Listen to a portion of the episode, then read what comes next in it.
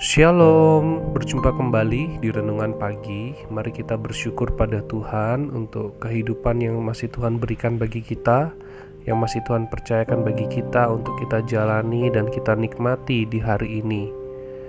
Mari bersama-sama kita mengawali pagi kita dengan merenungkan firman Tuhan. Mari kita perhatikan surat Yakobus pasal 2 ayat 18 dan 19.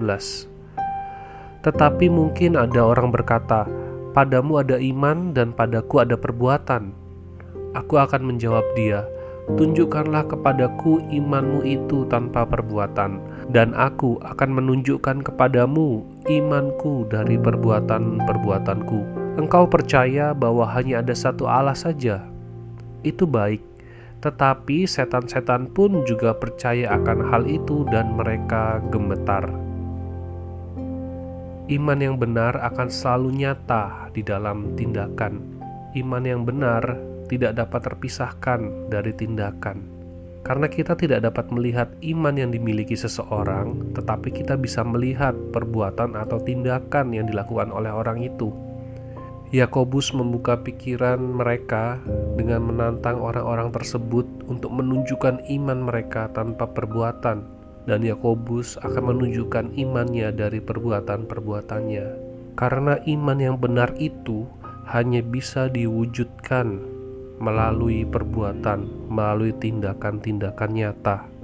Yakobus mengingatkan agar orang-orang Kristen bukan hanya mengaku saja percaya pada Tuhan, tetapi orang-orang Kristen harus memiliki iman iman yang menggerakkan mereka, iman yang ada di dalam setiap tindakan-tindakan mereka, bahwa mereka sungguh-sungguh percaya kepada Tuhan dan mau mentaati firman Tuhan, melakukan kebenaran Tuhan.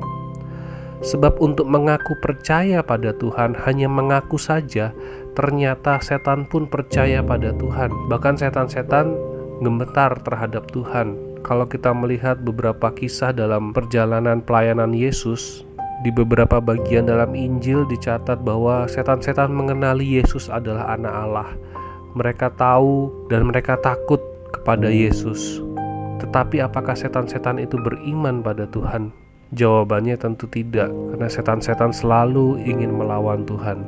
Jadi kalau ada yang mengaku percaya pada Tuhan, takut pada Tuhan, tetapi tidak menunjukkan sikap dan perbuatan yang sesuai dengan kebenaran Tuhan, sesuai dengan firman Tuhan, artinya sama saja dengan setan-setan yang percaya pada Tuhan, bahkan gemetar kepada Tuhan. Itu adalah iman yang mati, itu adalah iman yang palsu. Mari kita, sebagai orang-orang Kristen, kita memiliki iman yang hidup, iman yang sejati, yaitu iman yang benar kepada Tuhan. Kita bukan hanya mengaku percaya kepada Yesus, tetapi kita sungguh-sungguh menjalani kehidupan kita, menunjukkan iman kita di dalam sikap kita, di dalam tindakan kita terhadap sesama. Iman yang benar kepada Tuhan, iman di dalam Yesus yang menyelamatkan itu adalah iman yang nampak di dalam perbuatan-perbuatan yang sesuai kebenaran Tuhan, sesuai dengan firman Tuhan, dengan satu tujuan untuk memuliakan Tuhan. Mari kita berdoa.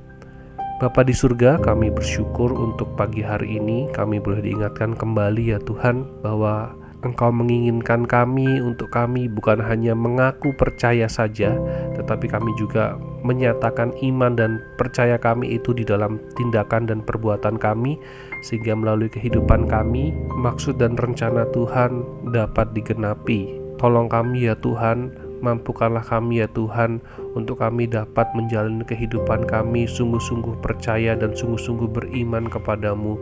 Sehingga melalui tindakan kami kami boleh menyatakan iman kami sesuai dengan kebenaran firman Tuhan. Dan melalui kehidupan kami orang-orang boleh melihat akan kasih Tuhan. Orang-orang boleh melihat akan kebaikan Tuhan. Dan melalui kehidupan kami nama Tuhan dimuliakan. Melalui kehidupan kami kasih Tuhan diberitakan. Kami menyerahkan ya Tuhan untuk kehidupan kami di sepanjang hari ini, untuk aktivitas kami, pekerjaan kami. Tolong kami agar kami dapat menjadi pelaku firman-Mu. Di dalam nama Tuhan Yesus kami berdoa. Amin. Selamat pagi, selamat beraktivitas. Tuhan Yesus memberkati.